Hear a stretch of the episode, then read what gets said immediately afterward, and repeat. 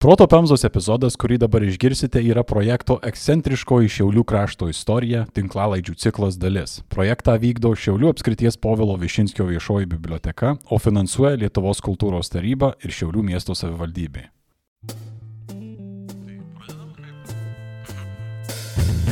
Kraujas, ugnis, brutalizacija, pasaulio paslaptys. Čia proto pemza.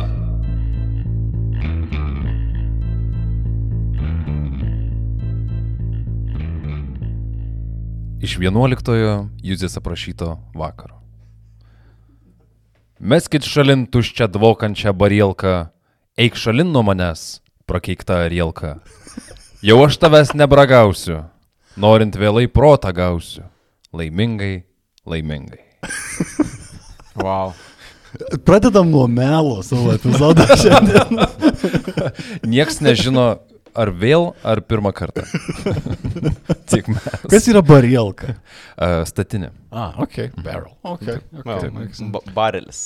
Puikiai, nuostabiai, nuostabiai, povilai. Ačiū. Ačiū. Ačiū. Manau, kad klausytojai uh, įvertins. Plojo Taip, atsistojęs. taip. Siūlykit savo bytus. Uh, Fone, Jo. kurie galėtų būti. Jo, karpi, jį klausai. Tai galima samplint jų nuo šiandien.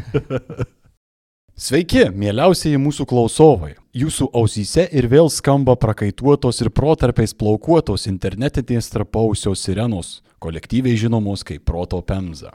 Nu, nežinau, ar dėkot čia. Jo, jo.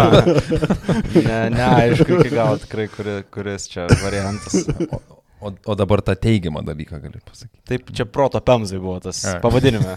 Šiandien, kaip ir visada, iš gyvenimo kvapų buketą dovanojančios PVŠ studijos Vilniuje apie istorinius vylius jums ir vėl suokia.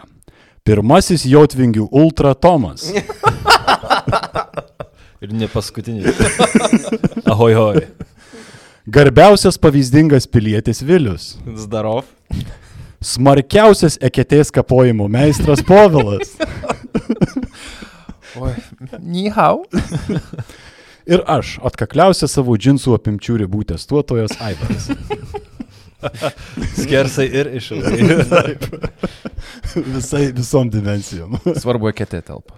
1931 m. balandžio 20 diena. Šiauliai. Nedidelė minė rinkosi į išvažiuojamą į kariuomenės teismo posėdį. O rinkosi todėl, kad turėjo prasidėti vos devynias dienas truksiantis, tačiau jau dabar visuomenės vaizduotę žadinantis teismas. Žadinantis taip, kad net tokie laikrašiai kaip ką tik savo veiklą be pradėjusios dienos naujienos, net ir turėdamos ribotus resursus visam procesui stebėti paskyrė specialų korespondentą. Į teismo salę susirinko be ne šimtas žmonių. Nuo su byla susijusių interesantų iki sėkmės palytėtų žioplių, kurių niekada netrūkdavo daugiau rezonanso susilaukusių bylų svarstyme. 1931 m. balandžio 20 diena, kuomet vokietukas Adolfas Šikulgruberis kažkur jau girtas nusibaiginėjo nuo antro gimtadieninio pigaus vokiško alaus bokalo, o vėliau gimę rastamanai dar tik savo motinų iššiuose arba savo tėvų kapšeliuose svajojo apie po 40 metų beprasidėsinčią šventę, Šiaulių mieste ant podiumo išeina liūdnai pagarsėjęs Petras Jockus ir trys jo sėbrai. Apie tai, kaip ir kodėl Petras Jockus ir jo draugai atsidūrė ten, kur atsidūrė 1931 m. pavasarį ir kodėl giltinė šešėlis šiaip jau temdė salėje turėjusias skverbtis saulelę vėl būdinančias vietą, pakalbėsime šiandien. Izdivonų ir zbitkų sėkla Šiaurės Lietuvoje 20-ojo amžiaus 3 ir 4 dešimtmetyje buvo tokia matsni, kad mums prisėis į ją sugrįžti dar vieną kartą. Mm, iki, iki čia net neša. Ta sėkla kažkaip. Bet pirmiausiai, kaip visada, truputį apie šaltinius, kuriuos ir vėl teko gramdyti visur, kur tik davėsi su mūsų namų sąlygomis, pagalastomis lopetomis. Visur, kur niežėjo. Čia ir vėl kraštotyrininkų surinktos istorijos, nors ir ne visada pilnai patikrintinos, yra aukso vertės, nes praveria duris į šiaip jau mums pamirštą laiką, pažiūras bei istorijas, kurių neaprašė jokie institucionalizuoti istorikai. Šiandien jungiasi žurnalistas, Eridano mokslinės fantastikos literatūros laureatas mm. ir šio laikinis kapitonas kraštotyra Pranas Šarpnickis. Kapitonas kraštotyra. Wow, kaip jie patys nesugalvojo šitą. Pati gražiausia beretė būtų tikrai pas jį. Vienintelis rūbas, ko būtų prisidengęs tikriausiai. Jos Su visa derama pagarba kraštotyrininkam. Taip, taip, taip, taip, taip. Neprimkit. Taip, žinau. medinis skydas. Ne, ne, tik, tik Ne. beretė. Ai, tik beretė. Ir, ir Tik bere- ne, tik beretė. tik akiniai. beretė. Taip, ir nieko daugiau. Nu ir apšiaustas gal. Ne, ne, ne, ne, ne, ne, ne, ne, ne, ne, ne, ne, ne, ne. Praną Šarpnickį ir ypač jo blogą skuodo kraštas tikrai verta patyrinėti ištikus laisvesniai minutiai. Ten yra daug įdomių istorijų. Pastarąjį mums papildo ir kiek mažiau girdėtas kraštotyrininkas Vytautas Rimgaila, kurio, kaip teigė, tėvas policininkas prisidėjo gaudant patį garsųjį Petrą Jotskų. Tai čia užuodžiu šališkumą. Kalbant apie šališkumą, taip pat naudojamės teisininko Mečio Markausko atminimų fragmentais. Anie parašyti praėjus dešimčiai metų nuo įvykių, tad kiek skylėti. Tačiau pastarasis Jotskaus teisme kaip gynėjas atstovavo ūkininkus, kurie buvo kaltinami perpirkę ir perpardavinėję Jotskaus jiems pristatytas voktas gerybės, bei bendravo su pačiu Jotskumi, tad negalėjome paneigti tokio šaltinio. Nemažai su faktinė informacija padėjo ir Sigitos Černevičiūtės ir Andriaus Kaubrio monografija Kartuvių kilpa, kulka ir dujų kamera. Galiausiai, kaip visada, teko pasikasinėti po to meto periodinę spaudą, ypač jau minėtas dienos naujienas. Kai kurias detalės epizode padėjo užpildyti ir Stanislovo Eidimto 1937 metais išleistas romanas Pleišikų vadas. Parašytas jis apie Jotskų ir reikšmingas dėl dviejų priežasčių. Pirma, jį galima laikyti pirmuoju lietuvišku kriminaliniu romanu. Pats romanas netoks jau ir blogas, ne šedevras, bet juda ir skaitosi labai greitai, turi CSI elementų ir net komisaro Rekso komedinių intarpų, kurie turbūt juokingi ypač maučiutėms ir Instagramo Reelsų fanams. Bet vis tiek smagu sakyti. Tai mums visiems keturiems. Mūsų tikslams dar svarbiau tai, kad išėjus knygai tos dienos spaudoje teikta, kad jį remiasi byloje surinkta medžiaga. Skaitant 1933 m. Šiaurės Lietuvos laikraštį galima nuspėti kodėl. Balandžio 27 dieną apygardos teisme buvo teisiamas buvęs kriminalinės policijos jaunesnis raštininkas Stasys Eidimtas. Jis 1931 metais buvo nuslėpęs gautą iš kriminalinės policijos direktoriaus laišką Šiaulių kriminalinės policijos viršininkui apie kai kuriuos Šiaulių ir Joniško pirklius besiverčiančius kokaino. Pagavo iš karto. Suši... Staiga sušikaupiai. Wow, anksčiau už Los Andželas. Viskas. West Coast my ass. Ok. Aš šokė. Besiverčiančius kokaino prekybą. Vėliau, 1931 m. gruodžio 10 d. jis pats atvyko pas vieną iš tų pirklių, Fainą, ir pradėjo vesti tardymą, pareikšdamas, kad aš galiu jums padėti. Fainas paskambino kriminaliniai policijai ir greit eidimtas, nors paties kriminalinės policijos direktorius siūstas, buvo sulaikytas, o šių metų balandžio 27 dieną ir nuteistas. Yra nemaža tikimybė, jog kalbame apie tą patį Eidimtą, kuris vėliau parašo plėšikų vadą. Mm. Nors jo įsitraukimas į vietinius kokaino kartelius turbūt verčia viską priimti su nemaža baltosios cukraus pudros. Hei, kiek čia, kaip Stevenas Kingas, ge, prašydavo šiek tiek e, pudros pa, pa, pa, pavalgęs, tai gal visai ir neblogas kūrinys gausis gali. Nusibarsti kelią į sėkmę. Tai, visiškai tai. Tas didžiulis tarpukaro Lietuvos kokaino kartelis. Ai, o beje, žinai, kam naudoja kokainą tarpu karo Lietuvoje? Uh, pas, Nu, Kosuliui ir... uh, pas dantistus, jo, tam, kad tau už, Nuskausmintų, ša, jo, užšalytų dantinas. Įdomu, kaip greitai išsiaiškino, kad... O, oh, wait. Kažkaip tai pas tą dantistą vis noris ir noris. pare- Man atrodo, jum neskauda. Palauk, tai čia, kad gerai suprastų, raštininkas, net ne policininkas, o raštininkas siūlė apsaugą prekiautojui kokaino. O, o buvo nelegalu tada kokaino prekiauti? Prescription uh, vaistai. Nu, Jo. kaip, nežinau. Su receptu. Jo, jo, su Jo, receptu jo, jo. vaistai. Amoralu? Ne. Leistina? Ne. kaip tik šeštadienį girdėjau šiek tiek tokį pasakojimą apie dantistus ir, ir kokainą, tai uh, juos naudodavo gydimo tikslais. Nežinau, ar buvo centralizuota sistema, kur kas nors tikrina, bet spėčiau, kad nelabai buvo, na, galima jais prekiauti taip visiškai atvirai. Tai bet kokiu atveju tai, kad Eidimtas, nu, buvo raštininkas uh, ir, ir, nu, galima manyti, kad jis tikrai galėjo turėti prieigą prie bylos informacijos. Mes, kur išėjau, stengiamės sutikrinti, tačiau reikia turėti omenyje, kad bet kokiu atveju remiamasi pirmiausiai krašto žmonių istorijomis, kurios laiko tiekmėje gali būti persimainę. Ne visada aiški ir konkreti laiko linija, na bet mes kitą akmenį, kas nesate niekada pradėję savo pusryčių nuo deserto. Su tuo mintį pradėkime pagrindinį mūsų šios dienos patiekalą. Kaip Petras Jotskus susilaukęs tiek dėmesio stojo prieš pusnuogę kažkodėl savo akis apsirišusią damą, laikančią teisingumo svarstyklės. Sveria kokainą.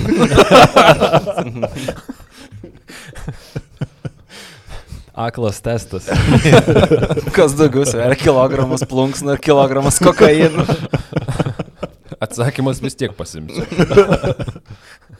Apie Petro Jotskaus vaikystę ir jaunystę nėra žinoma daug, o kas paaiškėja, yra daugiau ar mažiau atėjo iš jo teismo procesų. Petras teigė, kad gimė 1906 m. Liepos 1 d. Notėnų bažnytkaimėje Skuodo rajone.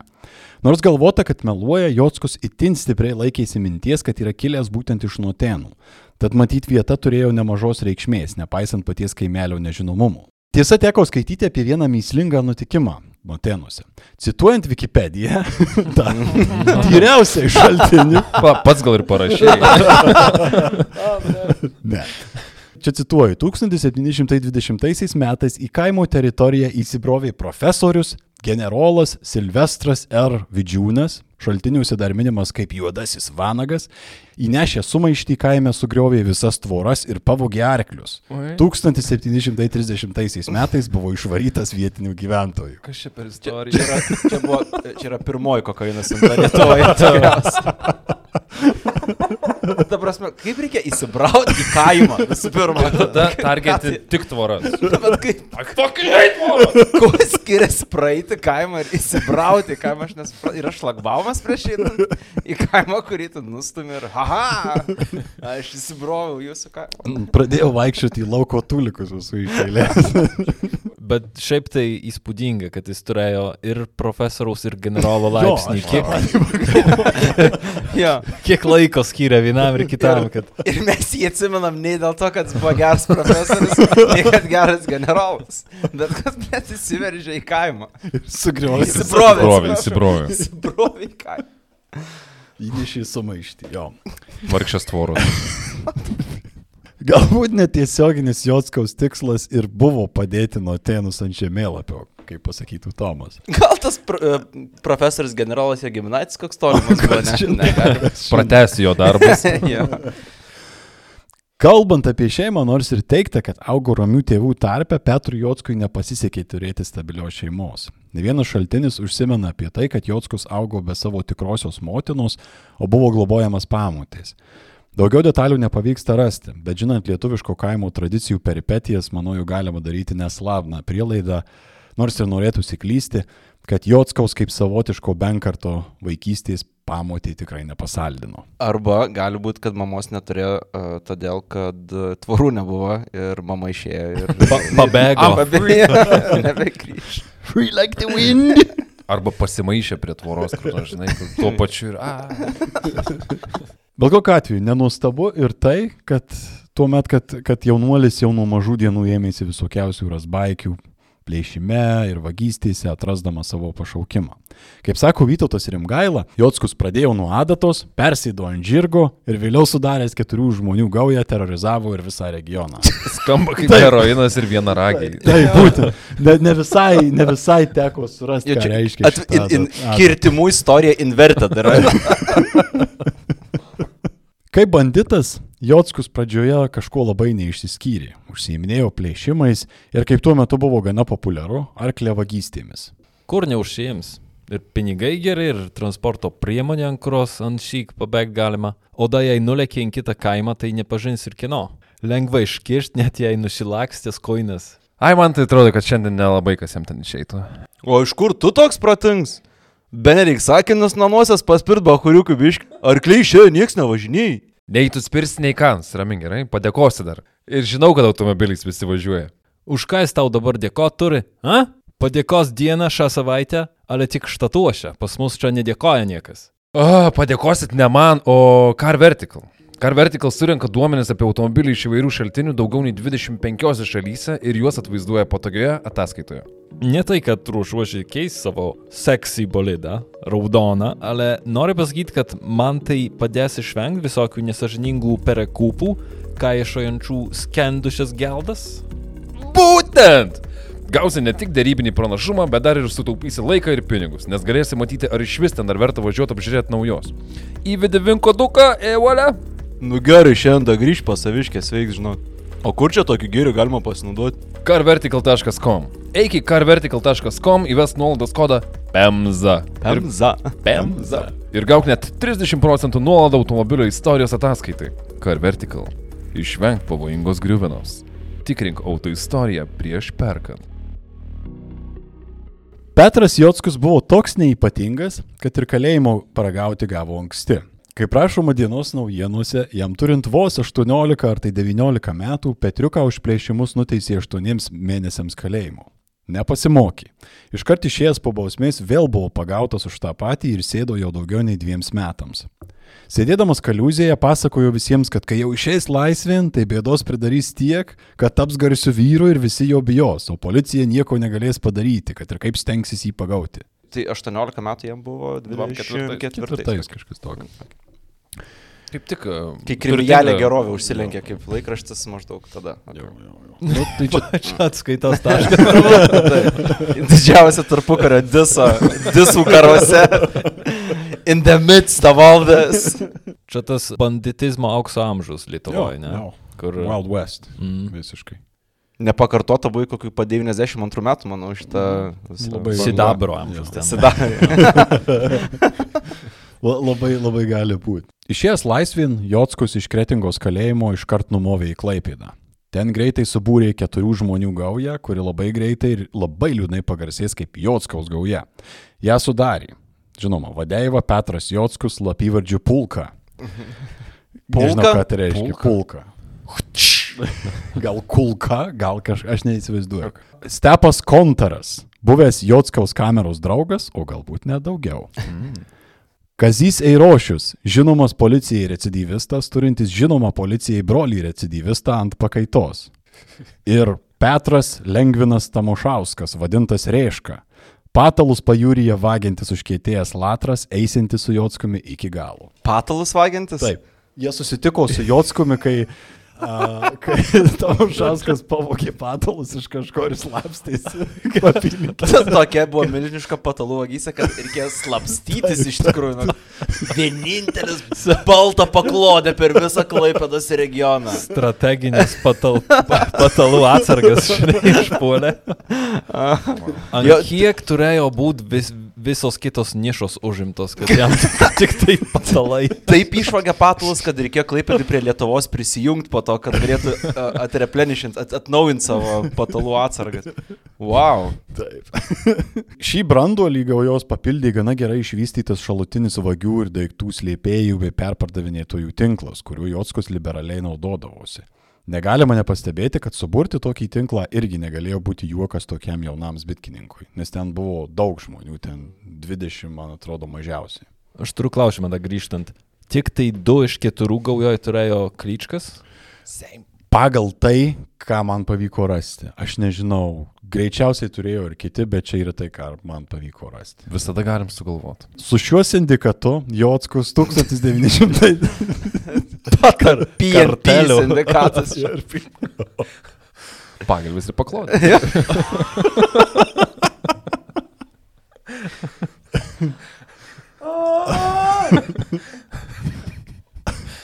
Tai tokiu setupu Jotskus 1929 metais pradėjo porą metų truksiantį rampage po visą Šiaurės Lietuvą, varant siaubą ir keliant baimingą nuostabą regiono gyventojų tarpe. Kur, kur mano patalai? Kur mano čia holai? O, mėgota pagalbas, papalko. Nebegalim laukia džiausti, kas darosi rajone. Kaip rūtos fabrikas privačią apsaugą samdo, kad skalbinius, žinai, prižiūrėtų kažkas laukia. Organizuojasi kaimynai patalus džiovinant, kad saugiau būtų. Siautėjo tiek daug, kad nėra lengva net atsekti kažkokią konkrečią laiko liniją, nu iš dalies ir dėl šaltinių stokos. Tad labiau koncentruosimės ties bendresnė perspektyva ir tuo, kas Jotskų per tokį trumpą laiką iš eilinio girtuoklio vagišiaus padarė legendinę girtuoklišką figūrą. Sekime istorijos paklodės kampą. Mhm. Tikrai taip. Pats Jotskaus gaujos braižas buvo gana tipinis tarpukario Lietuvai. Gauja pasiskiršiusi vaidmenimis nukeliaudavo į kokią parduotuvę arba ūkį, į jį įsiverždavo, įstatydavo revolverį kam nors galvon ar krūtinin ir pareikalaudavo pinigų ir brangenybių. Panašu, kad bent jau tuo metu tai buvo efektyviausias modus operandi, kurio ir policija nelabai gebėdavo greitai užčiaupti. Neretai Petras veikdavo tik su vienu sėbru, su kitais kuriam laikui išsiskirdamas, tad likę gaujos nariai vaidino tokį atsarginių suolelio vaidmenį. Išbėgdavo ant pakeitimą. Iš to, ką skaičiau jo. Dėl to gal ir neturėjo pravardžių iš tikrųjų papildomas. Kam tu jiem? Dubleriai. Tik taip. Tai čia neturim nei sofistikuotos Ritskaus elegancijos, nei tokio šalto ir, ir išskaičiuoto įvoškaus e, brutalumo. Čia yra mėgėjas toks. Jo, Plius minus pakolkas, ne? Jo. Verta pažymėti, kad dalį Jotskaus sėkmės galėjo lemti ir tai, kad kitaip nei Ritskus ar panašus jis neplėšė bankų. O tai irgi galėjo nu, įtakoti tokį mažesnį teisės saugos dėmesį bent jau kuriam laikui tos karjeros pradžioj. Aš žinai, gal ir suprantu tą Jotskų. Tie bankai nei šiokie, nei tokie, anais laikais kažkaip buvo, ne? Ką žinau, bankas lieka banku. Kas ten jau tada kita buvo? O aš žinau, kas buvo kitaip. Nu, nu, dabar tu pagudravok. Tada nebuvo Luminor banko. Luminar! Ir, ir kas ten kita? Luminor pristato Luminor Black kortelę. Labai daug entuzijazmo turiu pastebėti. Šiaip pavadinimas e, visai kietas, bet tu gal papasakok e, normaliai, nu plačiau, čia kaip, čia kaip Batmano kredito kortelė. Eik, tu dar geriau žinok, čia yra. Luminor Black galima naudoti ir kaip kredito, ir kaip debeto kortelė. Viena kortelė, viską. Žiauriai lengva naudoti su Apple Pay ar Google Pay. Nuo lapkričio mėnesio su ją dar gali ir nemokamai išsigryninti iki 1200 eurų per mėnesį Lietuvoje ir iki 400 eurų per mėnesį bet kur pasaulyje. Magaryčių dar gausi ir nemokamą pirkinių draudimą, kuris net 180 dienų saugos įsigytus pirkinius nuo sugadinimo, sunaikinimo arba praradimo. Tai klausyk. Patogu ne tik kasdieniam dalykam, ale ir kelionėm? Oh boy! Ką aš tau dar papasakosiu? Luminor Black suteikia nemokamą kelionių draudimą tau ir tavo šeimai visame pasaulyje ir Lietuvoje, įskaitant COVID-jų. O jei mėgsi klasę, mm, arba žiauriai nemėgsi minių, su jie turėsi galimybę įsigyti ir Priority Pass. Vos už 15 eurų metinį narystės mokestį. Ir tada pats galėsi su savo pačia ramiai sėdėti VIP salėje prieš skrydį. Ai, nežinau, skamba kažkaip per gerai, ne? Pasitikrink pats. Išbandyk Luminor Black kortelę pirmą kartą iki 2022 metų pabaigos ir net 3 mėnesius nemokėk mėnesinio kortelės mokesčio. Bandant Luminor Black pirmą kartą iki šių metų pabaigos gausi net 3 mėnesius be kortelės mokesčio? Šventas Batmane! Pagavai šitai teisingai, bičiuli. Eik į luminor.lt arba klikink nuorodą epizodo aprašymę detalesnė informacijai. Luminor Black, viena kortelė viskam. Luminor! Luminor! Luminor! Plėšikavo Jotskus patikrintais metodais, tačiau turėjo ir tokių keistesnių įpročių, kuriais maloniai ir nemaloniai nustebindavo aukas. Vieną kartą vėžaitiniais miškelėje netoli garždų Jotskus pagavo tokią Elzę Kuljurgienę. Čia maniau, čia šausiai. Šikl Gruberio kaimynė, gal ne?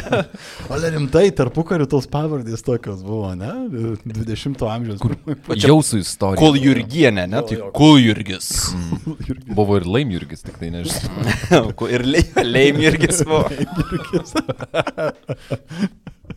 Kadangi dėl aukštos kaktos ir lieknos povyzos Jotskus buvo laikomas tam metu išvaizdžių vyrų, moteriškiai nieko blogo nepagalvojo. Tačiau iš pradžių elgėsis kaip mandagus džentelmenas, Jotskus taiga įrėmė pistoletą į moters krūtinę reikalaudamas pinigų. Moteris atidavė savo piniginę su 26 litais iš karto. Bet Jotskus čia pademonstravo, kad savo vagystės šiek tiek planavo. Žinojo, kad Kuljurgienė nėra skurdi moteriškė ir iškart pritaikė klasikinę O kas jį randu metodiką. Klasika. Taip. Pas Elzę radau dar vieną piniginę su 315 litų. Atrodo, irgi buvo gana populiarus dalykas nešiotis dvi piniginės. Mhm. Kaip ir revolverį. turbūt. jo, kažkas tokio. Gali būti susiję šitie dalykai kažkuo. Ei, bet tai smart dvi piniginės nešiotis. Vieną ant atidavimo. Kita kaip, dileriui. Čia kaip du pakelius cigarečių, žinai. Vienam vienas cigaretė, paskutinė. O kas jai randu, nu tai va, taip ir būna. Jo. Panikuojanti moteris pradėjo maldauti, kad gražintų bent jau pirmuosius 26 litus, nes kitaip jį neturėsinti kaip išmisti. Kuliurgienės nuostabai Jotskus paklausė. Girdamas į savo gerą širdimi ir kad gražina tuos pinigus, kuriuos moteris jam atidavė be nuodėmės, Petras atidavė 26 litus ir dingo savais keliais. Nu, koks šaunuolis, klausyk, atidavė jai jos pačios pinigus. Kilnu. Jo. Ir tai tuos moralius, 26 būtent, litus, jo. būtent, nes- turėjau jo, skirtumą jo. labai. Dabar suprantu, kodėl moteris sako, kad romantika mirusi yra 21 amžiuje. Tada tai būdavo, ne? Keistas žvėriškumo ir rūpeščio mišinys Jotskaus karjeroje pasitaikė ne kartą. Minimas atvejis, kuomet Jotskas su Sėbru atlikė į tokį Jundalų kaimą ir pamatė vietinį ūkininką Kazlauską išvedus į savo arklius į pievas. Čia irgi. Čia- Ar, ar, Čia turbūt nebus ta čia vieta. kažkoks prison slang? Švedės ar. Pievas.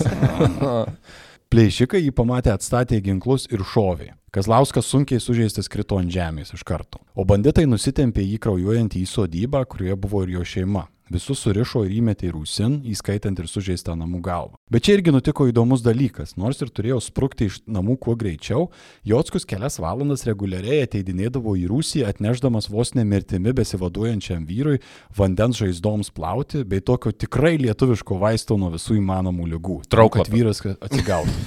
Spėkit, trauklapis yra jūsų spėjimas. Mano spėjimas. Arielka. Mano antras Jo, spėjimas. degtinės. Kad būtų įvairovės spėjimų, pasakysiu, pelynai. Medaus. Ne vienas neteisus esat. Rūkštaus pieno. Ką?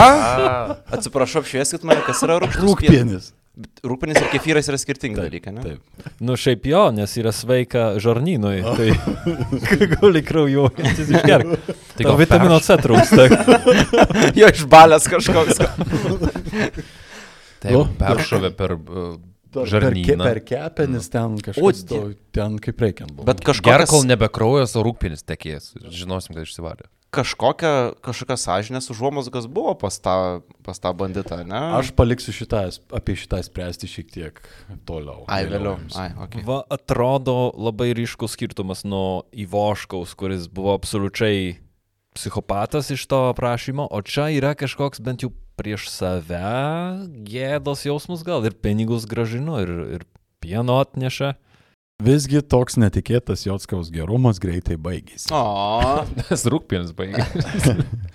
Jis ir jo sebra susirinkę apie 2000 litų ir drabužių krūvą pasipūstė padus. O Kazlauskai liko su randais visam gyvenimui. Sūnus dar kurį laiką tvarkėsi su psichologinėmis problemomis dėl šoko patirto apiplėšimo metu. Nenuostabu, nes jo tėvo, pašauto namų šeimininko, likimas buvo toks, kokio ir galėjote tikėtis. Rūkštaus pieno ambrozija jam vargšui nepadėjo. Jis nuo Audy. savo žaizdų mirė. Audyro rūkpinis. okay. Ir po to visą gyvenimą, kai pamato rūpinį, žinai, iš karto. Flashback. Ir čia tas momentas, kai aš noriu, kad jūs galbūt pagalvotumėte apie tą gerąją pusę. Šita visa istorija ir jos pabaiga netrukdė Jotskui vėliau teisme jo metu akiplėšiškai dėrėtis, kad jis iš Kazlauskų paėmė šimtų litų mažiau, nei jie teigi. Gal jisai žino Derėtis. geriau, kiek jis paėmė iš tikrųjų. Jo, jo. Jisai sakė, kad jis 1900 paėmė, ne 2000. Viską keičia iš tikrųjų. Nu tai gal už šimtą rūkpienio pripirko. Įskaičiavo į tą Aptarnavimo hospitality. Jo. Buvo dvi kategorijos žmonių, kurios dažniausiai susilaukdavo ypatingos Jotskaus ir jo gaujos pagėžos. Pirmoji - šauliai. Jei Jotskus suuosdavo, kad žmogus į juos įsitraukęs, šansai gyventi sumažėdavo drastiškai. Ne? Oho, okay. Matyt, dėl sąsajų su teisėtvarkos struktūromis ar, ar Pigs, kažkas, žinai. jo, kad jie vis tiek buvo ištikimi, kurie ateis ir pasakys, kad kažkas nutiko ir taip toliau. Bet tai ir pareigūnus, ir šaulius jisai išsirinkė. Mhm. Antroji kategorija buvo daug aiškesnė, bent jau iš pirmo žvilgsnio. Žmonės, kurie Jotskaus akimis buvo laikytini turtingais. Tačiau jis, neaišku, nešaudė jų kairėn dešinėn. Išreišimas priklausė nuo situacijos ir aukos geranoriškumo. Jis tiesiog juos labai kreivai žiūrėdavo. 1931 metais toks pranas Jaunaitis pasakojo, kad kartą jojo per mišką. Staiga jį nuo arklio nutraukė Jotskus ir pareikalavo visų pinigų. Atėmė 75 litus. Jaunaitis besivoliodamas ant žemės paprašė gražinti jau bent kurią dalį pinigų, nu, palik kelis, kelis litus ir... Kodėl jie vis tikis, kad vagis gražins pinigus? Nu, prasme, Toks laikas gal. Bet gal jau buvo žinoma, kad Jotsko galima dėrėtis. Nu. Na, jo, jo, gal. sušnekėti jo. Bet Jotskus pirmiausiai patikrinęs, ar Jonaitis nėra šaulys, maty dokumentus kažkokius, ir padarė savo turto vertinimą, labai aiškiai jam atsakė. Nemeluok, vyre, tu su skrybelė, o aš su kepurė. Aišku, kad tu turtingesnis. Galite suprasti, ką Jonaitis galiausiai gavo. Į galvą. Į galvą. Ir visgi, nors turtingųjų engimas kūrė simpatijas Jotskaus atžvilgių kaimo gyventojų tarpe, visa tai nubraukė žvėriški metodai, perspjaunantys net ir tokius veikėjus kaip Pritskus, o kartais galbūt net ir Ivoškus. Čia kalba eina apie polinkius kankinti savo aukas, bandant išmušti didesnę sumą pinigų. Mm, mm. Vienas metodas ypatingai Jotskaus buvo mėgstamas. Juozas Makruta buvo ūkininkas, kurio kluonas sudegė ankstyvą 1930 m. pavasarį. Iškart po gaisro pasklido gandas, kad jis gyrėsi iš degančio kluono spėjęs išsinešti net 10 tūkstančių litų, kuriuos buvo sutaupęs. Ji, po 10 Aha. tūkstančių litų. Taip. Apie tuos tariamus 10 tūkstančių litų iškart suodė Jotskų su gauja ir žinoma karpė ausimis, nes jau kurį laiką galvojau, kad šudeliauti plėšiant po keli šimtus litų nepritinka tokiam vis didesniu baubu tampančiam rasbainikui. Bet iškart apsilankė pas ūkininką ir atkišę revolverius pareikalavo pinigų. Ūkininkas iš tikrųjų neturintis tokios sumos, tą jiems ir pasakė. Neturiu aš tų pinigų. Tačiau banditai neatslūgo. Pakorė žmogų už pažastų po balkiu, aprišo kojas pakulomis ir jas padegė. Kaž, kažkur fone KGB ploja už šitą. man atrodo, man atrodo, kad įkvėpimo būtų galėję. Kelia tuos, žinai, lentas su balais, ar 8, 8, 9. Taip, taip, taip, visiškai. Tačiau nepaisant tokio ypač skausmingo kankinimo būdo, jie nieko nepešė. Gavę vos 1700 litų, plėšikai pasišalino prieš tai įmetę surištą ūkininką į svirną. Tai po šito apiplėšimo Juozas Makruta dėl nudegimų normaliai negalėjo vaikščioti net 7 mėnesius. Tuo tarpu Aniceto Toleikio istorija atskleidžia dar ciniškesnę Jotskaus pusę. Vis dar vaikydamasis tų pačių 10 tūkstančių litų Jotskus su Sėbru kažkada 1930 metais vėl atvyko pas 90 metį ūkininką Anicetą Toleikį. Ir pradėjo jį tardyti, svilindami tuos pačius kulnus, aprišę pakulomis. Nepaisant to, kad ten rikdė, tardė, mušė ir degino, iš to gavo vos 300 litų. Anicetas Toleikis liko gyvas ir atvyko liūdyti vėliau į teismą. Tačiau tame 1931 m. teisme Anicetui liūdijant apie šią istoriją, Jotskus pradėjo ant visos salės garsu juoktis iš senuko ir netgi gintis. Kaip teigi teisme buvęs vieno laikraščio korespondentas, Jis sako teisybė, deginom, bet negalima sakyti, kad mes buvome visai be širdies. Juk reikėjo sužinoti, kur toleikio pinigai. Be to, kai išeidami toleikius surištus sumetė į svirną, tai išeidami pašėrė toleikių gyvulius. Tas rodas akuratiškumą ir širdį. Iš ties, Jotskus gyvulius pašėrė ir tik tada pavogęs to leikių kumelaitę ir vežimą pabėgo. Netgi gražino pastaruosius kitą dieną, bet nusikaltimo žiaurumo tas nu, tikrai nepaneigė, o teismo metu nuskambėjęs žvengas tik patvirtina, kad turbūt jokio akuratiškumo ten nebuvo. O čia gerai, iš tikrųjų buvo taip, kad pašėrė gyvulius, ar, ar mes iki galo kaip ir, kaip ir nežinome, spekuliuoti. Tai buvo liudija ir, ir kaip ir Okay. niekas nepaneigė. Nes labai įdomi psichologija žmogaus, to turėtų būti to, kuris labai ramia dušelė pasvilino 90-mečiui padus, bet pašėrė gyvulius išeidamas vis tiek. Jotskus su savo naparnikais siautė kaip beprotis, plėždamas kur tinka ir pritinka. Nenustabu, jog to netruko pastebėti ir dar tik paaugliškus uselius auginanti Lietuvos policija ir vietiniai gyventojai. Jotskus greitai tapo žinoma ir paieškoma persona, tačiau vis kažkaip sugebėdavo išvengti teisingumo bizūno savo apsukrumo ir kartais tiesiog sėkmės dėka. Bent poroje šaltinių yra minimas atvejis, kuomet jis siūsdavo besišaipančius laiškus policijos pareigūnams, anuos erzindamas, kad Jotskaus niekas negali pagauti. Ant vieno laiško, jeigu neklystu, buvo išpašytos špygos netgi. Tiesiog.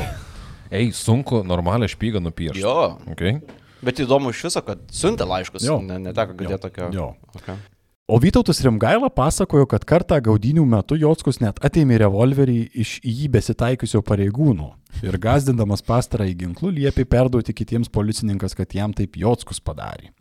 Ar čia gilio karjeros pradžia?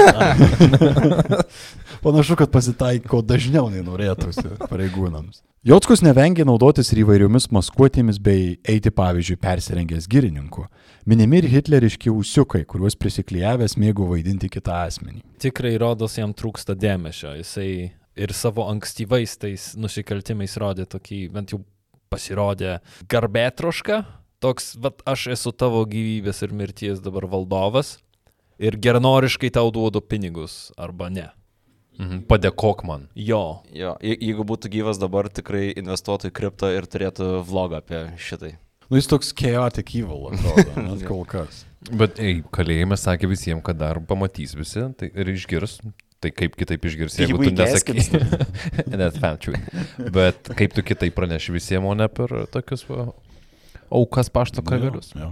Kiek ta maskuotė padėjo, neaišku. Vienos Jotskaus apiplėštos parduotuvės savininkas vėliau sakė, kad tiesiog gyventojai nebuvo linkę jo įduoti. Nors neretai žinojo, kur ir su kuo nakvoja, jie tiesiog bijojo policijai tą informaciją suteikti.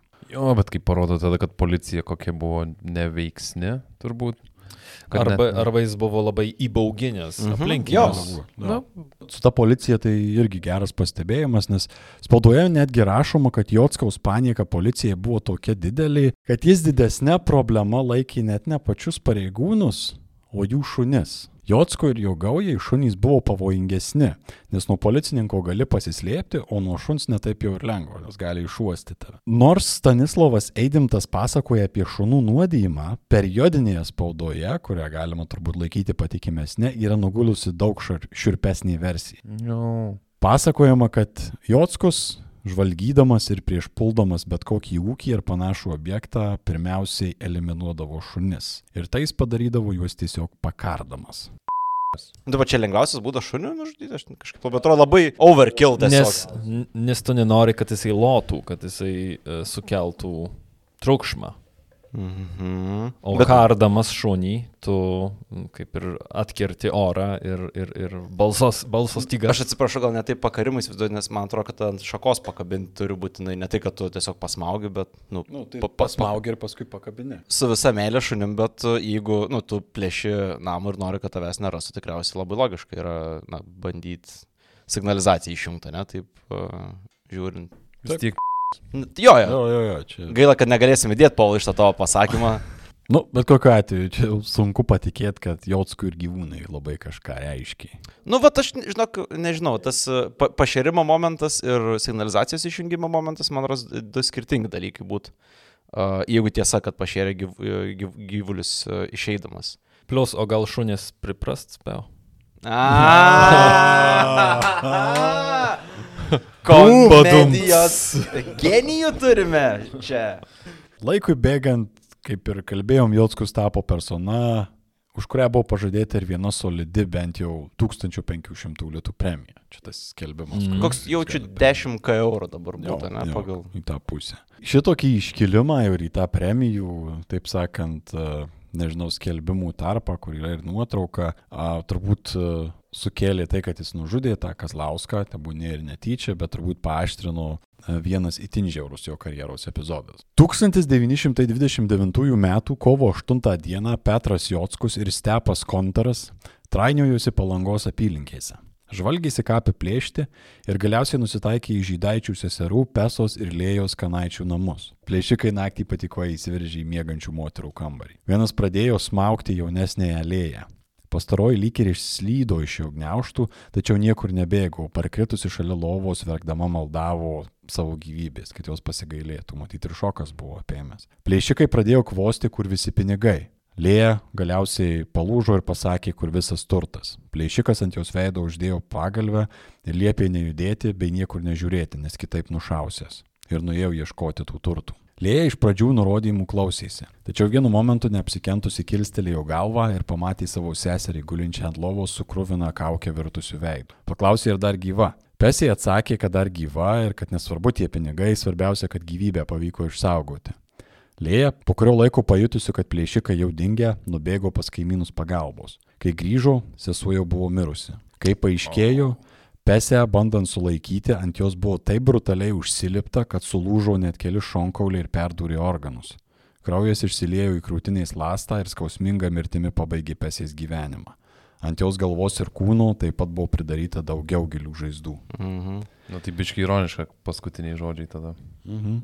Lėja neteko sesers, o Jotsko su kontoru paspruko su 7000 litų grobiu. Kai kuriuose versijose teigiama, kad kontoras iš Jotskaus gavo vos 2000 litų iš to grobio dėl to, kad buvo nužudyta tik viena galima liudininkė. Tai leidžia spręsti, kad būtent Jotskus buvo tas, kuris gyvuliškai sumaitojo pesę.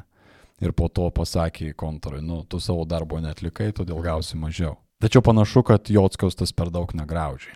Po šito apiplėšimo iškart puoliai dosniai girtauti karčiamuose, vadindamas save amerikonu. Taip, ir manau, kad būtent šis įvykis Jotskų įrašo į istoriją kaip vieną brutaliausių tarpukario Lietuvos galvo žodžių, nes pats nužudymas jisai yra, nu, ne tiesiog, kad nušauti ar kažkas tokio, jis žvėriškas yra. O jis nėra netyčinis, nežinom tikriausiai iš to. Toks skamba, žinai, Šito kaip... nežinom, bet iš, bent jau iš to, kaip visas apibūdinimas vyksta, atrodo, nu, kad, nu, per žiauru ir per daug visko Mhm. pridaryta, kad būtų netyčia kažkas, kaip Mhm. pats su Kazlausku, kur galėjau, nu, peršaut, paskui galbūt su rūkščiu pienu padauginti ir viskas. O šiuo atveju buvo tiesiog, nu, tas toks maitojimas. Vėl, nežinosim. Ir tikrai neatsitiktinis aukų pasirinkimas, Mhm. nes turėjo žinot, pas ką bus pinigų. Taip. Į šitai sureagavo policija. Ji dabar jau šokavo visą Šiaurės Lietuvą ir Jotskui teko ne tik keisti savo veiklos regionus tarp pajūrio ir krašto aplink Šiaulius, ką jis anksčiau darydavo, bet ir aktyviai slapstytis. Bent kelis kartus Jotskus ir jo sėbrai buvo įsivėlę į aštrius susišaudimus su įsekusiais pareigūnais. Pranas Šarpniskis rašo, kad po Kazlauskų šeimos apiplėšimo, pavyzdžiui, Jotskus kitą dieną pajuto nenumaldomą troškulį pasiimti moterį. Nuvažiavo kartu su dviem sėbrais į tokį gedrimų kaimą, jame pasigavo merginų, kurios atseit pasikvietė pasivažinėti su automobiliu bei nusivežti į žydikų miestelį pasifotkinti. Wow, čia labai prabangus užsiemimas tarpu, kurį turėjo būti. Ir su su mašina, mašina, ir pasifotkinti. Wow. Net aš įlipęs būčiau. Dabar, ta prasme, prieš šimtą metų. Prikalbėjau, aišku, visokių niekų, sakė, išsivešę merginas į Pietų Ameriką, kur gyvensė visi kaip rojai. Kokain. Turim čia. Visą dieną prasitasę grįžo vėl į kaimą. Nu ir nuvarė į vieną daržinę gauti šiek tiek afternoon delight. Little bit sugar. Tik bėda ta, kad policija tuo metu jau buvo suuodusi, kad Jotskus trankosi po žydikų apylinkės. Apsupusi daržinę, pareigūnų grupė sulaukė, kol Jotskus nuleis savo pagrindiniais galvos sargybą ir liepė lysti lauk. Anas, aišku, nepasidavė ir prasidėjo įnirtingas susišaudimas. Po, Viens prieš kitą. Bet tai pareigūnai palaukė. o, kad, ap, ale, aš nežinau, ar aprimtų. Ar kelnių būtų tokio, bent, jo, kad, Jo, toks- gautų. Dar ne. Dar ne. Tai po kurio laiko vykstant šitam susirėmimui policijai pavyko perlaužti iniciatyvą ir įsiveršti į tą daržinę, šturmuoti ją. Joje rado kraują gulinti Jotskaus sėbrą. Pats Petras ir dar vienas jo draugelis jau buvo išlindę pro stogą ir seniai dingę kažkur tolumoje. Wow. Tai rodo, kad net pagautas numautomis kelnėmis Jotskus žinojo, ką daryti. Visgi, po poros dienų policijai pavyko surasti antrąjį pabėgusį Jotskaus sėbrą, kuris jau buvo išsiskyręs su savo vadeiva. Tardymo metu išsiaiškino, kokioje sodyboje slepiasi Jotskus, kurią galėjo pabėgti. Atvykus į ją, Jotskus viską pamatė iš toli, šoko per tvorą ir puolė bėgti atsišaudydamas. Policija sugebėjo kliudyti savo kulką Jotskaus koją, tačiau čia jam labai pasisekė. Sugebėjau nuboginti šalia buvusį arklį, ant kurio šokęs paspruko nuo policijos per laukus. Ir, ir po to pylė rūkpenių ant tos Gali būti. žaizdos. Po šio įvykio, kuris, kaip spėjau, nutiko irgi e, 1930 m. pradžioje, Jotskui prisėjo rimčiau slapstytis, o nužudimas vėliau palangoje viską tik tai dar labiau pablogino. Jis tapo tikrai labai rimtai paieškomų veikėjų. Jotskus greitai suprato, kad jei nesisuksi, negyvensi. Pamenate turbūt į Voškų ir kaip pastarasis senose kriptose ir mauzolėjuose tykodavo savo Mhm. aukų. Tai va, ponas Jotskus ir jo draugai teigiama taip pat naudojo kriptas, kapinių rūsius ir panašias vietas. O, prašau. Tačiau ne pasaloms. Kaip prašo Stanislavas Eidimtas apie vieną epizodą Jotskui ir dar dviems jo bendrininkams lankantis vienose kapinėse, Sklepiai iš eilės buvo suguldyti trys karstai. Vienas metalinis ir du žoliniai. Kai sudėjo karstus ant viens kito, pasirodė, kad trims atsigulti vietos per mažai. Jotskus greit atrado išeitį. Jis atplėšė medinį karstą, surankiojo ant sutrunėjusius kaulus, išnešęs ant kapų išsvaidė visas puses, sugrįžo ir tame pačiame karste pats atsigulė ir užmigo. Drakula. Vėl nors, nors Bet ta, Les, bet ta Leslie Nilsona uh, Dracula. Jo, man tas pats, žinai, skamba kaip tokia surreali ir net komiška scena, parašyta būtent vat, puikiai tokiam pigiam kriminaliniam romanui. Tačiau šitoje vietoje kraštotyrininkas Vytautas Rimgaila šitą versiją taip pat kartojo. Sako, kad Jotskus mėgau slapstytis kapinėse ir mauzolėjuose, nes žinojo, kad ten nelabai jau kas ateis ieškoti. Gerai galvojate. Jo. Jotskus ir kai kada jo sebrai galėdavo tose prūsiuose praleisti ir kelias savaitės netgi. Bet toks gyvenimo būdas yra mažų mažiausiai netvarus turbūt. O resursų maistui jau dar labiau šnapsui, kurį ypač mėgo Jotskus ir jo draugeliai, reikėjo iš kažkur gauti. Ir atrodė, kad va te reikia tų dešimties tūkstančių litų ir bus galima vėl ramiai gyventi. Tai čia visiškas Dr. Evil, kur, kur 10,000 litas. Bet skamba kaip ir 21 amžiaus pradžios realybės šou dalyvių uh, pretekstas, kodėl jie ten dalyvauja. Pakeis visi šitie pinigai mano gyvenimą. Leis dar du mėnesius gyventi karste.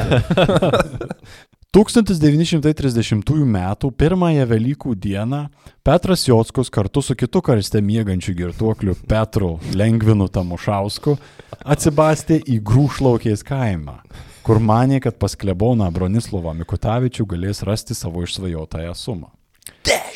Tūkstančių litų. Skamba kaip Tado Vidmanto komedijos pavadinimas iš tikrųjų. Pakeliui nukniso iš vienų namų šaltienos ir pyrago, gerai užėdė, užsitaisė ginklus ir atkulnevo į klebono namus. Bleba, ateini ryte į virtuvę, kažkas prišykęs ant stalo jau, šaltienas nėra. Kažkas valgė mano šaltieną. Velykos. Ai jo. Bet dar šventinė šaltiena, ne bet kokia. Nu, Bet ar nejaučiat laikmečio kvapo, kai uh, į kombinaciją įeina šaltiena, piragas ir rūkpienis turbūt? Ja, lauko Ir tualetas šnapsas. buvo aplankytas pakeliui į vagystės vietą tikriausiai. kitaip tariant, ant tako tiesiog. Dėl, mai... pačioj virtuvėje. Dėl maisto nepykstam, bet jūs pažiūrėkit, ką tualetui padarė. Tas krateris tiesiog. o kur jis yra? Mes nerandam. Klebonui visai pasisekė, kadangi šventės jis tuo metu buvo išvykęs iš namų ir juose buvo likusi tik tai tarnaitai. Plėšikai įsiveržę į klebono namus pamatė padengtą šventinį stalą kunigėlio sugrįžimui. Viską suvalgė iš tikrųjų. Taip, taip. Nesikuklino, pradėjau kaip keulys ėsti viską. Bla, bla, bla, bla. Taip. Ten ir kalakutas buvo ir taip toliau, tai ten pradėjau Flema, tasyti ir laukti. Įsivaizduoju tą sceną, kaip kanda viską ir krenta per žaptus tiesiog. Tai tokia scena ir piešiama visur, kur teko skaityti. Neaplinkė ir ant stalo, žinoma, padėto vyno, kurio porą taurų užgėrė ir dainas buvo pradėjo visokias. Po, porą to, kai sakai porą taurų, taip gali įsivaizduoti, pasiemė butelį, įsipylė e, vyną į taurę, patelius kavo šiek tiek. Stiklinė. Išties iš... Nukanda tą butelį su, su stiklais. Į kraują iš karto alkoholis išeina geriau. Tarnaitė išgirdusi triukšmą įėjo į kambarį. Plėšikai. Jis iš tarnatis perspektyvos kažko, kunigėlis kažkoks, Tai pašėlęs. Ant kalno mūrai. Nors esant vasą. Tai plėšikai tą tarnaitę pamatė, puolė iškart reikalauti raktų nuo vietų, kuriuose kunigas gali laikyti brangenybės. Tarnaitė persigandusi puolė ranką lengvinui bučiuoti, prašydama pasigailėti ir nežaloti ar jų labiau nenužudyti. Anas tiesiog pasišaipė iš jos, paėmė rankšluostį ir surišo rankas už nugaros. Po to nuvedė į kaminą, kaminų tuo metu vadino patalpą rūkymui žemaitijoje ir ten įgrūdęs ją paliko.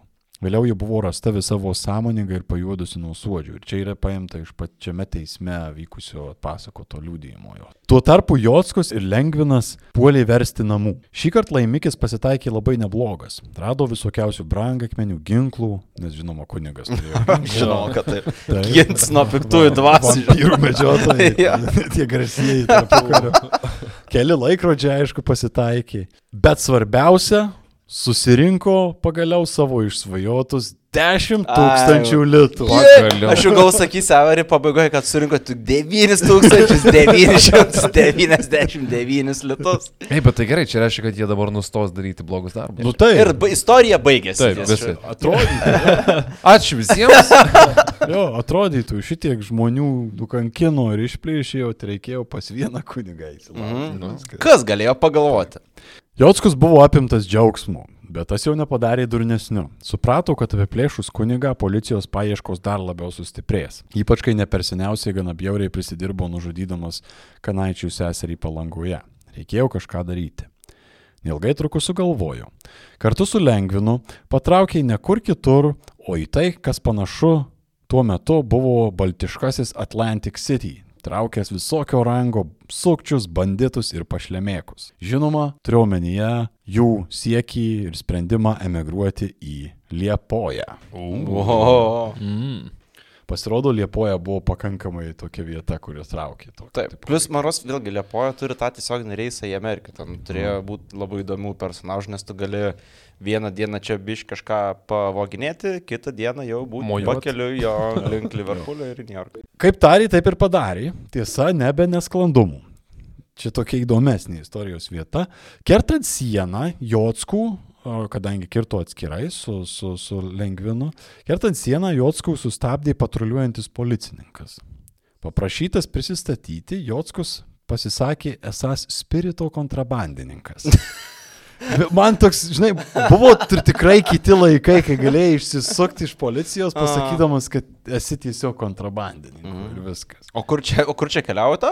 Tai uh, nelegaliai alkoholį vežu į Latviją. Jo, jo. A, tai gerai, praeinam, vat, vat. praeinam. Būtent, būtent, nes, nes policininkų vietoj to, kad freeze, reakcija buvo, Kiek nu, duosi? bet tu su savim nieko nesineši ir tipo, nu, parodyk, ką ir kur gabini. Mm. Jotskus, kaip ir pildydamas prašymą, reikalavimą pareigūną pasivedė prie kažkokios tai eglės ir liepė po ją žiūrėti. Polici- Pareigūnas žiūrėjo, ne? Jo, policininkas sakė, jis nieko nematas. Ne veltui mūsų okupavo. Taip. Jotskus liepė žiūrėti arčiau. Nu ir čia gali suprast, kur visą tai eina. Pareigūnui pasilenkus dar labiau, Jotskus lupo su lasda per galvą ir paliko sąmonės netekus į teisingumo sargą gulėti. Giliai ar tai tu? Nu, Ir tada okupavo Latviją. Prasme, ir pats perėjo. nereikia kariuomenės jokios ten, kad kirstum sieną vieną žmogų pasiūlyti. Taip, taip. I was one day, I was one day from retirement. Aš Kur vis vis nuvažiuoja station ten. jo, ten keurą. Vis bandau įsivaizduoti tą situaciją, kur e, nusiveda pareigūną prie eglės ir sako jam, nu žiūrėk, į, į skyrius, nu kur, ir, ir vis lenkiasi, lenkiasi, nu, a, Nu, bet o ką galvoti apie pareigūną, kuriam jau gali pasakyti, kad tu esi spirito kontrabandininkas ir jis... Nu, matai, aš galvočiau, kad gali pasakyti, kad esi spirito kontrabandininkas, kad pareigūnas jau suprastų, kad čia bus finansinė transakcija kažkur Jo, šito jo, jo, vietoj kyšis, jo, į, į, įtraukta. Bet pažiūrėk paeglę ir... Tai Lietuvoje su 10 tūkstančių litų, nežinau, kiek ten latų buvo. Dešimt. Jo, Jotskus ir Lengvinas jautėsi puikiai. Pirkosi gražius drabužius, važinėjosi naujausiomis mašinomis, turėjo visas moteris. Elgėsi kaip tikri amerikonai. Mhm. Na ir aišku, lakė kaip bedugniai kibirai. Lakė, lošė ir tvirkino vietinės prostitutės. Net nebandė slėptis. Greitai du bičiai iš Lietuvos, kalbantys krieva latvių kalba ir besišvaistantys pinigais kairien dešinien, pradėjo kelti įtarimą. Bet tik įtarimą. Kiek valandų buvo praėję nuo jų atvykimo? Geras klausimas. Jo, kur milžinišką uh, auksinę grandinę nusipirka su dolerio ženklu pasikabinti. Man labai patiko pirmąją ir kaip sakai, kad e, Lietuvos teisės sauga jau pradėjo, to regiono pradėjo galvoti, kad kažką reikėjo daryti. Labai slauganas tinkantis visai tarpukario policijai, man atrodo. Retrospektyviai Šiaip, žiūrint. šiaip tarp pokario Lietuvai. Kažką reikėjo daryti. Manau, jo, jo, jo. Vieną vakarą Jotskui solidžiai prasilošus vietiniams sukčiams Liepojoje jis su lengveniu liūdnai gėrė susitikę su vietinė prostitutė. Pastaroji nežinojo, kas anie tokie, nes ir, ir, ir, ir Jotskus, ir Lengvinis turėjo padirbtus pasus ir naudojo kitus vardus. Tačiau vienu metu girtas Lengvin, Lengvinas prasitarė Jotskaus vardą ir pravardę. Pulka. Pulka? Jo. Kas nuo rūpienio būna. Jo. Ir kažkokiu tai būdu, ar tiesiogiai iš jos, ar kažkam papasakojo, Latvijos teisės sauga pasiekė šios žinios. Wow, tai toks inter, internacionalas Taip, jau yra. taip, taip, Čia taip. Ne, ne koks tai vietinis banditėlis. Okay. Jo. Buvo informuota po šito atveju Lietuvos policija, kuri pasiuntė, kaip teigiama, porą savo atstovų į Liepoją sekti dviejų įtartinų tipų. Čia mes turime international tokį mm. -hmm. criminal, criminal investigation. Bet ir žiūrėk bendradarbiauja su polit, policijos Jo. Latvijos Jo, Lietuvos. jo, taip Wow. jo. Ir plus vienas policijai. Taip. Tai Lietuvos policija galvoja, jas gal jie sulaikys, kad mes jau nesugebame. Po truputį net vietiniai žiniasklaida suuodė, kad pas juos yra du garsus Lietuvos bėgliai. Wow, tai čia tiek toli viskas nuėjo. Nu, Wow. ten yra net kažkur pasakojimas, kad laikraščiuose pradėjo apie juos rašyti ir jie ten vos nepradėjo supirkinėti tos laikraščius, kad kiti neskaitytų. Nu, čia toks pusiau ant Mhm. mito, ant Nu, mito okei. ribos. jo. Bet kokiu atveju gavosi taip, kad po poros dienų, 1930 m. gegužės 2 dieną, Jotskus buvo suimtas pas vieną savo meilužę, pas kurią gyveno viešnagės liepojo metu. Tai vis tiek buvo prigautas su kelnim. Tai Latvijai pagavo, ne? Taip. Ir greitai to paties likimo sulaukė ir Lengvinas. Kitam kambarį. Arba tiesiog ant to, tos mažesnės lovelės kaip Aikovas, kad kur miega. Ant pufiko susisukęs kaip katinas. Ten laukia, kada pamedžiotas. Jotskus has space, space issues. Jotskus ir Lengvinas buvo perkelti į bajorų kalėjimą netoli Rokiškio, taigi perduoti į Lietuvos rankas. Kurį laiką patrūnyje bajoruose 1931 m. pradžioje Jotskus ir Lengvinas buvo perkelti į regionų centre esantį Šiaulių sunkiųjų darbų kalėjimą. Ten abiejų galvažudžių jau laukė anksčiau kitomis aplinkybėmis sugauti kolegos Eirošius ir Kontaras, o taip pat dar keli įtariamieji kaltinami pagalba Jotskui ir jo gaujai. Užgrojo The Boys are back in town. Ei, bet, Sustinkas. bet jie vėl susitiko. Jo. Įdomu, ar lengviau buvo mažesnė, mažesnė kamerytė pa, pa, padėta, narvelis kažkur. kad- Būda. Tad čia apsukame ratą ir prieinama prie 1931 m. balandžio mėnesio 20 dienos, minėtos epizodo pradžioje. Jotskus, jo sėbrai ir nemaža dalis pagalbos tinklo tada stojo prieš teismą. Viso buvo teisiama 14 asmenų. Jotskus, nepaisant smerkiančių liudijimų ir įrodymų, per daug nesutriko. Kaip rašoma Lietuvos žiniuose, Jotskus teismo metu buvo nepaprastai gyvas, energingas, gerai nusiteikęs, greitai besiorientuojęs situacijoje. O Mečys Markauskas, buvęs toje pačioje teismo salėje, buvo panašios nuomonės. Jotskus. Žvalos, energingas, gana malonaus veido vyrukas. Žiūri į teismą drąsiai, be baimės.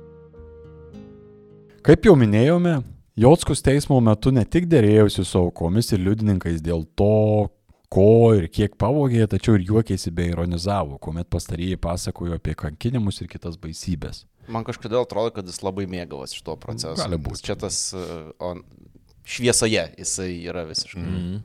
Teismas truko vos devynias dienas, įskaitant ir pertrauką dėl vieno iš teismo dalyvių gripo. Jis buvo procesas nutrauktas kelioms dienoms. Greit pasveiko. Mm. Rūkpinis. matyt, matyt. Balandžio 28 dieną Petras Jotskus, Stepas Kontaras, Kazys Eirošius ir Petras Lengvinas Tamošauskas buvo pripažinti kaltais dėl devinių apiplėšimų ir dviejų ypač žiaurių žmogžudyščių Mm. - Kazlausko ir, ir vienos iš Mhm. seserų Kanaičių. Tikrieji Backstreet Boys. Visi keturi buvo nuteisti mirties bausme sušaudant. Visi keturi. Taip. Okay. Kaip pasakojo Mečys Markauskas, Skaitant nuosprendį, žiūriu per petį Jotskaus veidą. Išbalęs, susikaupęs, dantys sukasti, kai pasigirdo žodžiai mirties bausmė, Jotskaus veido raumenys konvulsiškai sudrebėjo. Yeah, reality hits the fan. Prisižaidė. Čia rodos, kur policijai pritrūko, tą teismas datempė. Jo, Mhm. jo, labai gali būti, nes jo atrodė, kad, kad, kad siekia to. Galiausiai po visų šnekų ir bandymų išsisukti, Jotskus suvokė, kad jo laukia mirtis. Nors ir saugodamas veidą visiems, kas netingėjo klausytis, pasakodamas, kad jis nusižudysies ir neleisės niekam savęs sušaudyti, tuo pat metu paraleliai palaikė kontaktą su Mečiu Markausku ir paprašė jo parašyti maloniais prašymą pačiam prezidentui. Markauskas parašė. Atsakymas, spėkit, koks buvo? Ne. Neigiamas, visiškai. Markauskas dar spėjo paklausti, kaip Jotskus jaučiasi gavęs tokį galutinį verdiktą. Anas tik burptelėjo. Kaip čia po nulį jausias? Jaučiuos kaip šlapia višta. Po paskutiniais vilties atmetimo Jotskui teliko taikyti su savo likimu. Bandė rašyti savo memoarus. Kalbama, kad prirašė apie 200 puslapių, iš kurių didžioji dalis buvo skirta moteriams. Jų jis teigė turėjęs apie 50 ir visai iki vieno jį mylėjus. Mm, Tai Viltas Chamberlainas Lietuvos nusikaltimų pasaulyje. Žinoma, Petrai tikrai, tikrai buvo 50. Tikrai, tikrai, tikrai. Žinai, huliganas myli stipriausiai. O. Tomai. Romantika. Kaip ten buvo iš ties liks legendose, tačiau žinoma, jog Joskus nevengė ir gerai prilupti moterų savo gyvenimą. Tiems, kam įdomu, patys memoarai turėtų būti vis dar saugojami Lietuvos centrinėme valstybės archyve, parašyti ranka. Mes dėje prie jų prisikasti nespėjome šiam epizodui. Bet turėtų būti įdomu. Mhm. Jotskaus sėbrai tuo tarpu nebuvo tokie stoiški kaip jų vadėjo. Jie, žinoma, pagal visas tradicijas nesėkmingai bandė saugoti savo kailį, versdami visą kaltę Jotskui kaip didžiajam vadui. Žinoma. Taip. Tačiau po nuosprendžio po truputį pradėjo lūžinėti. Vienas, kurio tapatybės nepavyko nustatyti, išgirdęs apie nuosprendį iškart bandė nusižudyti, tačiau pareigūnai spėjo tai sustabdyti. Kitas net pradėjo atvirai atgailauti dėl savo nuodėmių veikiant su Jotskumi. Jo vardo irgi negalėjo patikrinti, nes buvo minimi keli ir taip nepavyko suvesti, kuris ten iš tikrųjų. Tačiau, kaip savo atminimuose rašė Mečys Markauskas, Jis baisiai, baisiai apgailestavo už savo elgesį. Kalėjimo vienutėj blaškėsi, daužė galvą į sieną, paskui atsigulė kryžium ant grindų ir taip išgulėjo visą naktį. Ir aš taip įsivaizduoju, gulė ant grindų ir... Padėk man! Advokatas pasakoja, kad kalėjimo viršininkui net pagailo to bendrininko ir jis įleidęs Jotskų pas savo buvusį kolegą, nu, apraminti prieš didžiąją dieną. Mhm. Tačiau Jotskus nebuvo nei kiek švelnus ir tiesiog kameroje sėbrą išvadino Bobą, nes žinok vis tiek reikės anksčiau ar vėliau mirti. Tai ko čia dar žliumti? Nu, Teisingai. nu, nėra kad meluotų. 1931 m. Liepos 20 dienos 4 val. ryto Šiauliuose stačiatikių ir Romos katalikų tarpukapyje buvo atvežtas Jotskus ir trys jo bendrai. Visiems buvo surištos rankos. Viena versija sako, jog buvo iškasta viena duobė visiems keturiems. Vis tiek karstuose kartu mėgstat mėgoti. Tai... Nu. Kita sako, kad buvo dvi duobės. Viena skirta nuoširdžiai atgailaujančiam plėšikui, o kita likusiems trims. Bliama, kaip viską keičia šitas. iš tikrųjų. Vieną laistys, kitas ne. Simboliškai Mhm. bent jau. Ne? Nuteistieji paprašė neužrišti akių, kas, kaip skaičiau, a, toje monografijoje buvo kaip ir gana įprastas dalykas, kad, kad, kad a, pasitikti savo mirtį buvo linkę žmonės. Matydami, ne? Matydami viską. Markauskas pasakoja, kad į vietą atvažiavo 12 savanorių, iš kurių visi gavo po klebonišką degtinės, tai čia po 100 gramų, ir pradėjo savo darbą su kiekvienu iš nubaustųjų. Jotskus liko paskutinis. Paklaustas apie paskutinį į savo norą, plėšikas pasakė, kad nori parūkyti papirosą, kad jam atrištų rankas ir kad kareiviai taikytųsi į galvą. Buvo įvykdyti visi prašymai išskyrus vieną. Rankos nebuvo atrištos, baiminantis, kad taip ilgai gaudytas ir slidus kaip unkurys buvęs rasbaininkas dar kartą pabandys laimę pabėgti. Surištomis rankomis nušautas į galvą Petras Jotskus atgulė į nepažymėtą duobę kažkur šiaulių kapinynuose. Jam buvo vos 25. Mm. Pienius. Amžių čia mi- paminiu ne veltui. Petras Jockus turbūt yra vienas stipresnių Live Fast, Die Hard pavyzdžių mūsų žemėje tarpukaryje. Sugebėjęs prie savęs patraukti dviejų valstybių teisės saugos dėmesį, Petras Jockus vis dar savo formos ieškančioje Lietuvos Respublikoje nugyveno gyvenimą, kurį turbūt geriausiai apibūdina anglų filosofo Tomaso Hobso sentencija būtent žmogaus gyvenimui situacijose, kuriuose valstybė dar nėra susiformavusi. Petro Jotskaus gyvenimas buvo bjaurus, brutalus ir trumpas. Kaip jis tekėjo, taip ir pasibaigė. Su kiekviena, su lik kiekviena iš tokių, tokių biografijų, tokių pasakojimų aš pagalvoju, nu, al ir mes gerai gyvenam. Mhm. Nereikia ieškoti ginklo, kad išeiti in, in, in kitą miestą apsilankyti, in turgų kažkokį nueiti.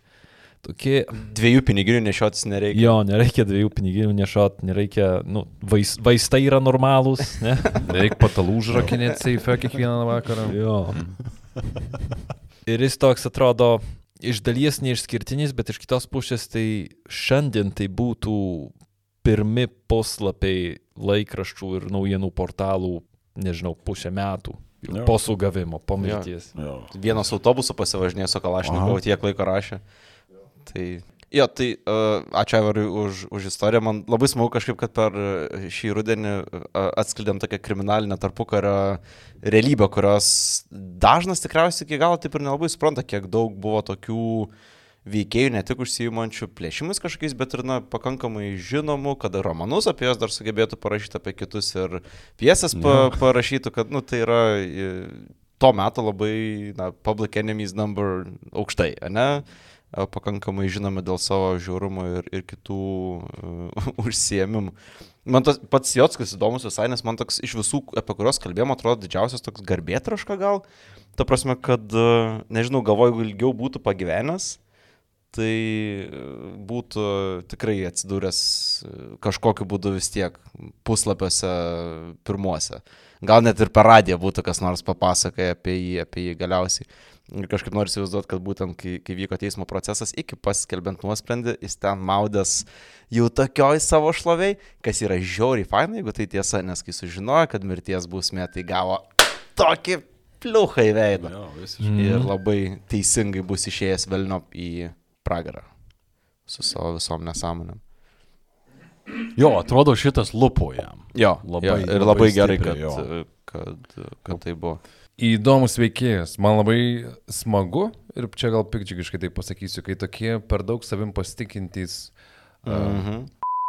Aš nepanaudojau, nepa, taip, aš gan dažnai naudoju tokį žodį ir man atrodo, kad jis čia labai tinka pagal Aha. mano įsivaizdavimą. Bet kai tokie uh, žmonės gauna atgal iš gyvenimo ir iš teisės saugos, kuri taip pat gavo kažkokį tai truputį būstą, turbūt Mhm. ir savo, ir tuo pačiu buvo gal kažkiek, bent jau jeigu tai buvo afišuota uh, Jotskaus darbai, tai aš manau, kad ir bausmė buvo pakankamai afišuota, kad uh, žiūrėkit, mhm. nevagėt patalų ir negulit karstuose nebent su visam.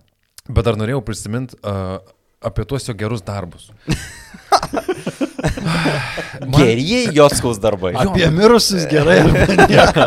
Nieko gero. uh, tie geri darbai man dabar žiūrint į šitą istoriją, nu man jie netrodo kaip geri, man atrodo kaip jo, jo istorijos tokia detalė, labai toks uh, custom tailored kažkoks tai elementas jo visoje tokio istorijoje, bet uh, pašert gyvulius arba ten atiduotos litus, nu tai kaip ant garuojančio šūdo Rafaelo uždėti, nu tai vis tiek šūdas, ką tu padarai, tai kam šoviai, kam vagiai ir kam tai darai.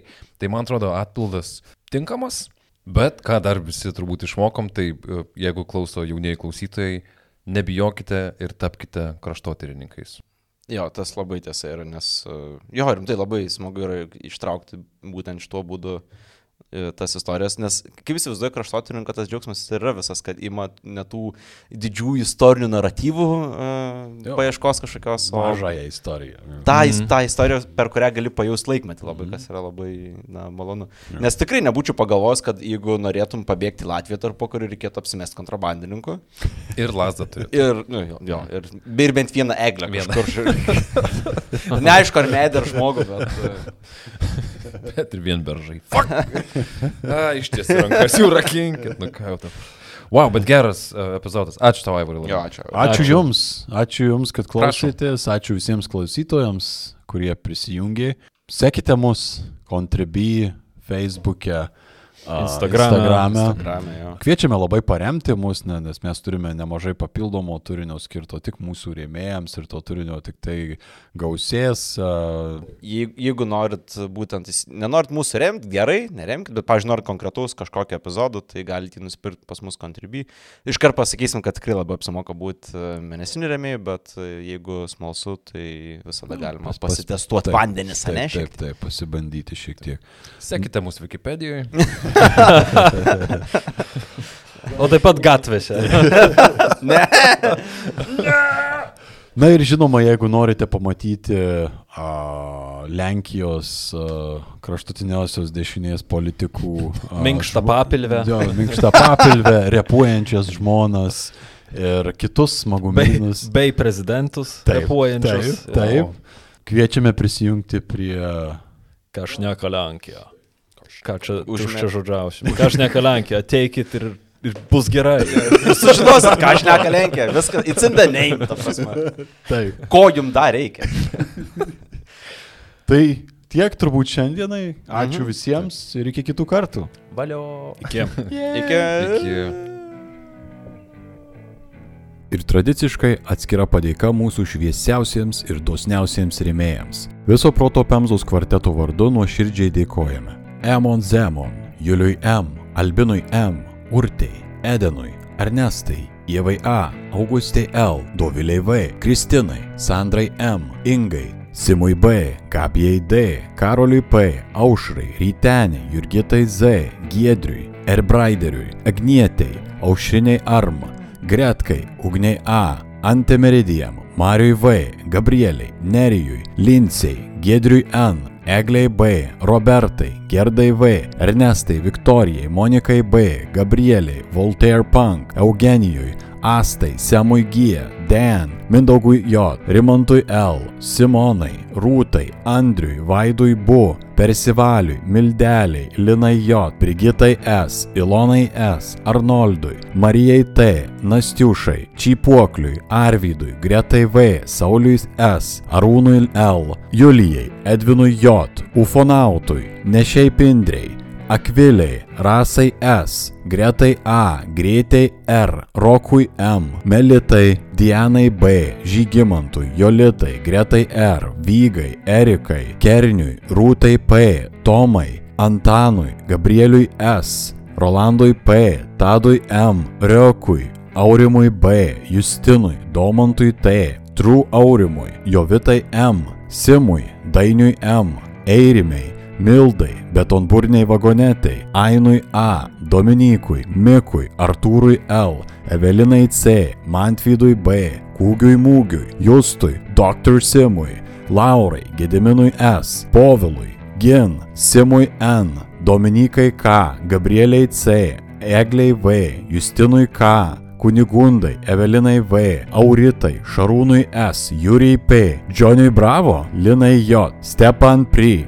Akviliai, Justinai Č, Štrimaitytei, Donelaitai L, Arminui V, Meškiui, Marijui Ž, Gabrieliai Š, Marijui Ž, Martinui, Žygimantui, Jonui G, Justei A, Edvardui G, Mykolui, Editai R, Arūnui, Kamiliai, Lukui V, Sauliui, Benui P, Dominykui S, Rasai Z, Aušrai, Darislovui, Tadzikučiui, Astai Š, Tomui, Gretai, Remigijui, Povilui L, Egliai S, Audrai, tavo tėvui, Ingridai P, Mikipūrui, Vladislovui, Doviliai, Andreliui, Arnoldui M, Simui D, Mildai B, Simonai, Mariui, Domukui, Dariui M, Doviliai V, Vaidui M, Mildai, Barškalui, Gretai R, Akučkaitei, Bitskai, Agniai, Jorindai K, Rasai, Povilui V, Simui M, Tomui B, Egliai Č, Mariui V, Julijai, Robertui P,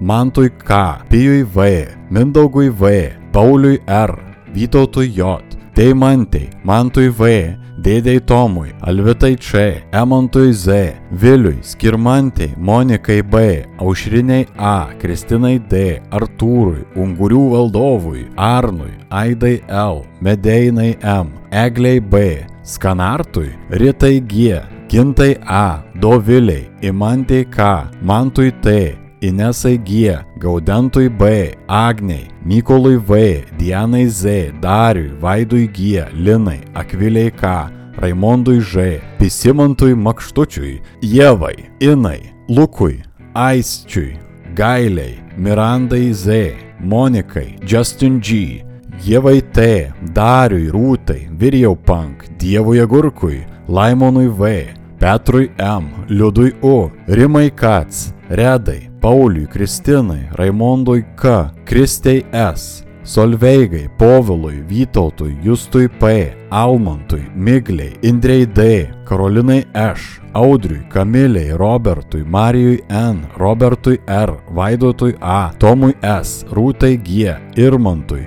Aretui, Silvijai, Agniai S, Ligitai Z, Ingridai K, Gretai, Jovitai K, Elijui J, Martynui V, Simonui U, Kiriau, Kestui P, Artūrai, Daliai, Editai, Irmantui P, Gustei M, Linai G, Arnui J, Aistei V, Vilitai, Rimantei S, Gabrieliai P, Ramintai, Rasai S, Deimantei, Donatui, Rekui, Neringai V, Danui K, Ignui A, Kornelijui, Aušriniai, Doviliai, Simonui, Remrem, Rimai, Vikai, Antropikui M, Lukui, Reinoldui, Ievai, Matui E, Renatai, Viliui P, Gretai B, Evaldui, Ilonai H, Artūrui, Jorka 88, Mr. Mindaugas, Astai, Eimantui R, Astai, Ugniai B, Audriui S, Rokiukui, Paulinai, Rūtai, Jurkštui, Rokui K, Juditai, Tėvo Vamzdžiui,